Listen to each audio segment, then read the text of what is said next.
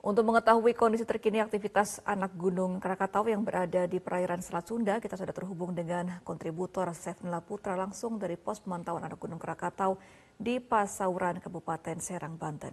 Selamat pagi, Sefrinal. Bisa Anda jelaskan bagaimana kondisi terkini anak Gunung Krakatau di pos pemantauan?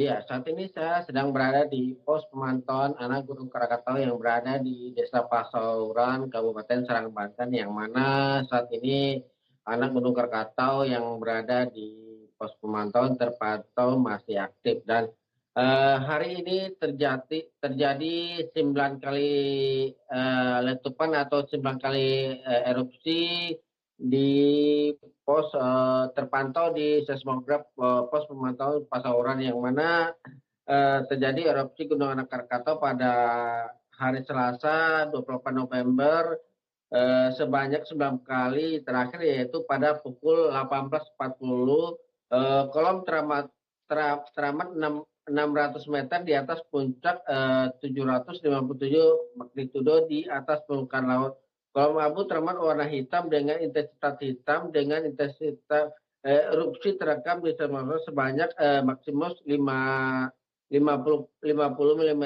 dan durasi 74 eh, menit. Ya, Sefrinal, apakah ada himbauan untuk pos pemantau bagi warga dan nelayan di sekitar sana?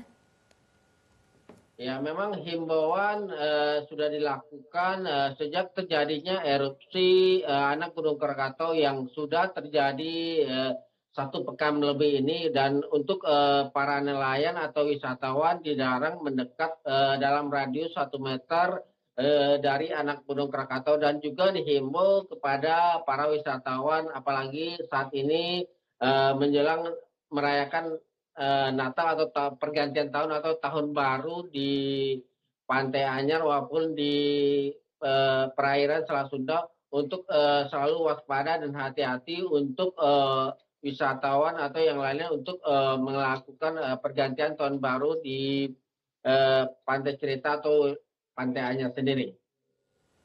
Baik, Sefrinal Putra melaporkan langsung dari Serang, Banten. Selamat pagi dan selamat bertugas kembali.